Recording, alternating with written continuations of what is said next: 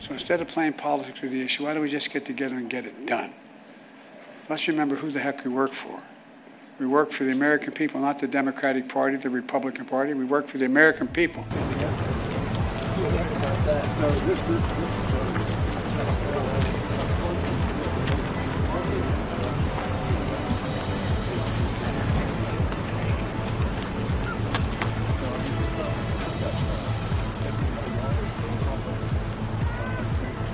The United States is being overrun by the Biden migrant crime. It's a new form of uh, vicious violation to our country.